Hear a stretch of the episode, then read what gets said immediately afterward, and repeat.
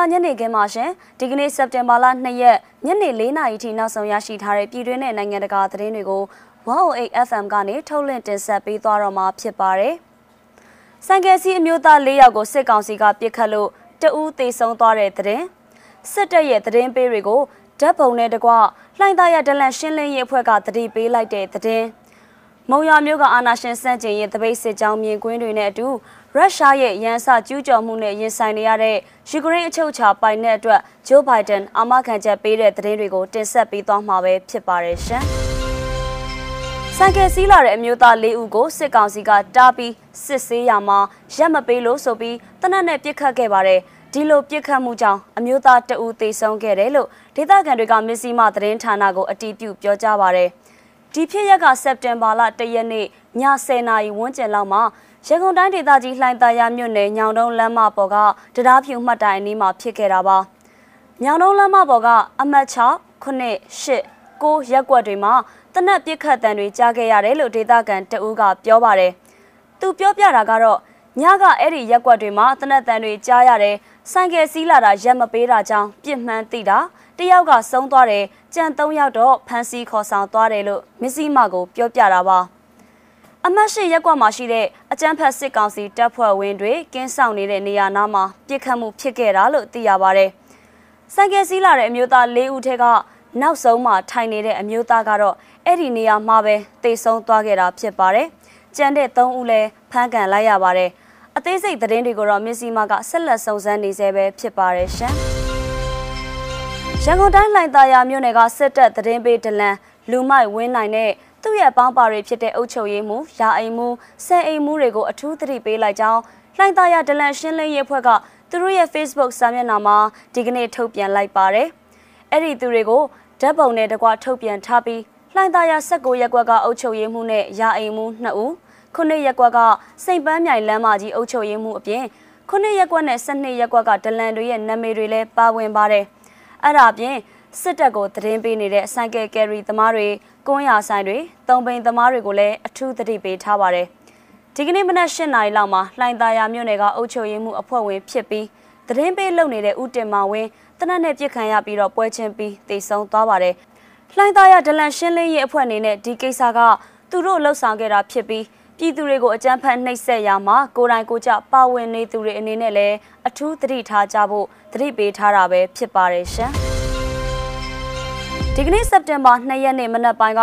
မုံရွာမြို့မှာအာနာရှင်စန့်ကျင်ရဲ့တပိတ်စစ်ကြောင်းတစ်ခုကိုပြုလုပ်ခဲ့ပါတယ်။အာဇာနည်လမ်းနဲ့ပြည်တော်စုလမ်းမကြီးလမ်းစုံအလယ်မှာစုဝေးပြီးတော့ဆန္ဒထုတ်ဖော်ခဲ့ကြတာပါ။ ASEAN Stand for Democracy Not for Dictator ဆိုတဲ့စာတမ်းနဲ့အတူမုံရွာပြည်သူ့ကာကွယ်ရေးတပ်အလံကိုပါ ကင်ဆောင်ဝှေ့ရမ်းနေတာကိုတွေ့ရပါတယ်။ပင်မတပိတ်ဟာမုံရွာပင်မတပိတ်တီးကြအနေနဲ့ရောမြို့နယ်တွင်တပိတ်ကျောင်းတွေနဲ့ပါပေါင်းပြီးပုံစံမျိုးစုံနဲ့အာနာရှင်စနစ်ကိုစန့်ကျင်တော်လှန်နေကြတာပဲဖြစ်ပါတယ်ရုပ်သံဖိုင်ကိုလည်းရှုစားလိုက်ကြရအောင်ပါ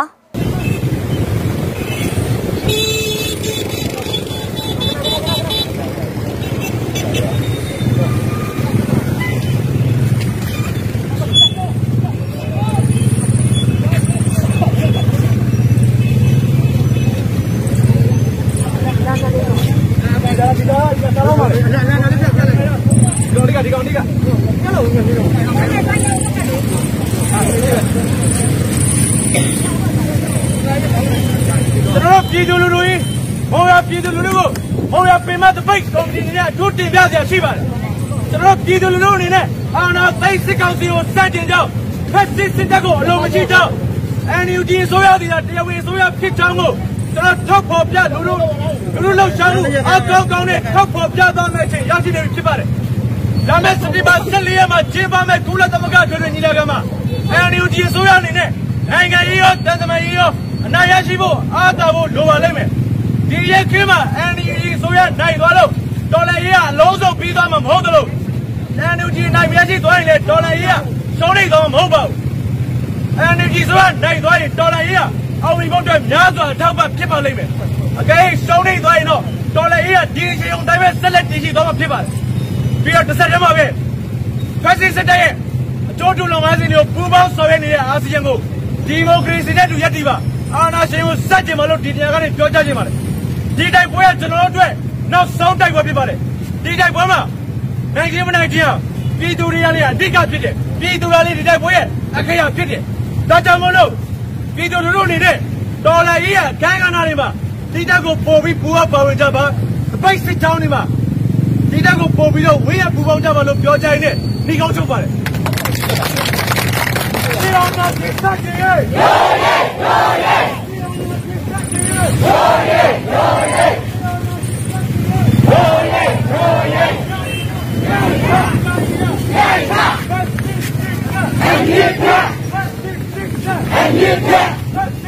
ဒီမိုကရေစီရရှိရေးတော်ရဲတော်ရဲဒီမိုကရေစီရရှိရေးတော်ရဲတော်ရဲဒီအောင်နာရှင်စက်ကြီးရေးတော်ရဲတော်ရဲဒီအောင်နာရှင်စက်ကြီးရေးတော်ရဲတော်ရဲအမီကာအမီကာယာဂီယာယာဂီယာယာဂီယာယာဂီယာယာဂီယာစက္ကဒီမိုကရေစီတော်လူပေါ်ပါလေတော်ရဲတော်ရဲစက္ကဒီမိုကရေစီတော်လူပေါ်ပါလေ Diana Sisatine! Diana Sisatine! ဆက်လက်ပြီးနိုင်ငံတကာသတင်းတပုတ်ကိုလည်းတင်ဆက်ပေးကြပါမယ်။ရုရှားရဲ့ရန်စကျူးကျော်မှုနဲ့ရင်ဆိုင်နေရတဲ့ယူကရိန်းချုပ်ချာပိုင်တဲ့အတွက်ဂျိုးဘိုင်ဒန်အမကန်ချက်ပေးတယ်လို့ဆိုလိုက်ပါတယ်။သတင်းအပြည့်အစုံကိုတင်ဆက်ပေးကြပါမယ်ရှင်။ရုရှားရဲ့ရန်စကျူးကျော်မှုနဲ့ရင်ဆိုင်နေရတဲ့ယူကရိန်းချုပ်ချာပိုင်တဲ့အတွက်ဂျိုးဘိုင်ဒန်အမကန်ချက်ပေးလိုက်ပါတယ်။သူ့ရဲ့အိမ်ဖြူတော်ဘဲဥပုံရုံးခန်းမှာယူကရိန်းသမ္မတဗိုလ်ဒီမာယာဇီလမ်စကီနဲ့တွေ့ဆုံရမှာသမ္မတဂျိုးဘိုင်ဒန်က အခုလိုပြောဆိုပါတယ်။ရုရှားရဲ့ရန်လိုကျူးကျော်မှုနဲ့ရင်ဆိုင်နေရတဲ့ယူကရိန်းနိုင်ငံရဲ့အချုပ်ချာနဲ့ပိုင်နက်နယ်မြေဂုဏ်သိက္ခာအတွက်အမေရိကန်ဟာခိုင်ခိုင်မာမာဆက်လက်အာမခံပါတယ်ယူကရိန်းလွတ်လပ်ရေးနှစ်30ပြည့်ကျင်းပနေချိန်မှာကျွန်တော်တို့နှစ်နိုင်ငံကြားကမိတ်ဖွဲ့ပြုမှုကပို့ပြီးတော့ခိုင်မာလာပြီးနောက်ထပ်လဲပုံမခိုင်မာလာအောင်မှာဖြစ်တယ်အိမ်ဖြူတော်မှာယူကရိန်းသမ္မတဇယ်လမ်စကီရဲ့ဗုဒ္ဓဟူးနေ့ကလာရောက်တွေ့ဆုံမှုဟာသမ္မတဂျိုးဘိုင်ဒန်အတွက်ဒုတိယမြောက်ဥရောပခေါင်းဆောင်တဦးနဲ့တွေ့ဆုံမှုပဲဖြစ်ပါတယ်။ ဒါပေမဲ့အင်အားကြီးတဲ့ရုရှားကိုရင်ဆိုင်ရေးအတွက်အင်အားပိုကြီးတဲ့အမေရိကန်ရဲ့အကာအကွယ်ကိုလိုလားနေတဲ့ဇယ်လမ်စကီရဲ့စန္ဒအမှန်ပြေဝမပြေဝကတော့မရေမရာရှိနေပါတယ်။တွေ့ဆုံမှုမှာဇယ်လမ်စကီကအခုလိုပြောပါတယ်။နောက်ဆုံးအနေနဲ့အရန်ထိလွယ်ရှလွယ်အရေးတစ်ခုရှိနေတယ်ဒီမနက်မှာပဲသမရဂျိုးဘိုင်ဒန်ခင်ဗျာကျွန်တော်တို့ဟာယာယီသိမ်းပိုက်ခံခရိုင်းမီးယားဒေသဒွန်ဘတ်အရက်မှာထိမ့်သိမ်းခံထားရတဲ့အကျဉ်းသားစရင်ကိုခင်ဗျားတို့ရဲ့ကိုယ်စားလှယ်တွေစီလွှဲပြောင်းပေးခဲ့ပါတယ် ရုရှားရဲ့ဖမ်းဆီးထိမ့်သိမ်းခံအဲ့ဒီအကျဉ်းသား450ကျော်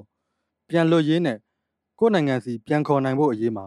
ခင်ဗျားတို့ရဲ့အကူအညီရကြပါတယ်အင်္ဂါနေ့ကပင်တဂွန်စီရောက်ရှိခဲ့ချိန်မှာလဲသမ္မတဇယ်လမ်စကီဟာရုရှားနဲ့ရုရှားကြောတောင်နောက်ခံတဲ့ခွဲထွက်ရေးသမားတွေကိုယူကရိန်းရဲ့ရင်ဆိုင်တိုက်ပွဲမှာအမေရိကန်ရဲ့စစ်ရေးအကူအညီအတွက်တွန်းတွန်းတိုက်တိုက်တောင်းဆိုခဲ့ပါတယ်။ဂျိုးဘိုင်ဒန်အစိုးရအကြီးတန်းတာဝန်ရှိသူတဦးကတော့ အမည်မဖော်ပဲသတင်းတောက်တွေကိုအခုလိုပဲပြောပြပါဗျ။သမရဇယ်လန်စကီနဲ့ယူကရိန်းဟာအခြားသောဥရောပဘယ်နိုင်ငံမဆိုထက်ဂျိုးဘိုင်ဒန်အစိုးရစီကအာယုံဆိုင်မှုကိုပိုပြီးရရှိထားပါတယ်လို့နာမည်မဖော်ပဲသတင်းတောက်တွေကိုပြောပါတယ်ယာဒုကနှုတ်ထွက်တော့မဲ့ဂျာမနီဝန်ကြီးချုပ်အန်ဂျလာမာကယ်ပြီးရင်ဒုတိယမြောက်ဥရောပခေါင်းဆောင်ဖြစ်အိမ်ဖြူတော်စီလာရောက်ပြီးသမ္မတဂျိုးဘိုင်ဒန်နဲ့တွေ့ဆုံဆွေးနွေးခဲ့တာဟာ ဇယ်လမ်စကီအတွက်တော့အောင်ပွဲတစ်ရက်ဖြစ်တယ်ဆိုတော့တန်တရားဖြစ်စရာမရှိပါဘူး။ဟာသာတရုတ်ဆောင်ဟောင်းဖြစ်တဲ့ဇယ်လမ်စကီဟာအနောက်အုပ်စုမှာမထင်ပေါ်ခဲ့ပေမဲ့2020အမေရိကန်သမ္မတရွေးကောက်ပွဲမတိုင်ခင်ဂျိုးဘိုင်ဒန်မိသားစုကိုတန်တရားဖြစ်ဖွယ်ကျင့်ပြတ်ချစားမှုနဲ့စုံစမ်းစစ်ဆေးပေးဖို့သမ္မတဟောင်းဒေါ်နယ်ထရမ့်ကတိုက်တွန်းတောင်းဆိုခဲ့တာကြောင့်အမေရိကန်ပြည်တွင်းနိုင်ငံရေးမုံတိုင်းတစ်ခုအတွင်းရိုက်ခတ်ခံခဲ့ရသူလည်းဖြစ်ပါတယ်။ဇီလမ်စကီကိုဖိအားပေးဖို့ ယူကရိန်းစီစစ်ရေးအကူအညီတွေပိတ်ဆို့ဖို့စ조사ခဲ့တဲ့ဆိုတဲ့ဆွဆွဲချက်တွေကြောင့်သမ္မတဟောင်းထရမ့်ဟာယာဒူးကဖယ်ရှားဖို့ပြစ်တင်ဆွဲဆိုခြင်းနဲ့ရင်ဆိုင်ခဲ့ရတာလည်းဖြစ်ပါတယ်။ဒီကနေ့စက်တင်ဘာလ2ရက်ညနေ4နာရီထိနောက်ဆုံးရရှိထားတဲ့သတင်းတွေကို108 FM ကနေထုတ်လွှင့်တင်ဆက်ပေးခဲ့တာပါအချိန်ပေးပြီးနောက်ဆင်ပေးခဲ့ကြတဲ့အတွက်လည်းကျေးဇူးတင်ပါတယ်ရှင်။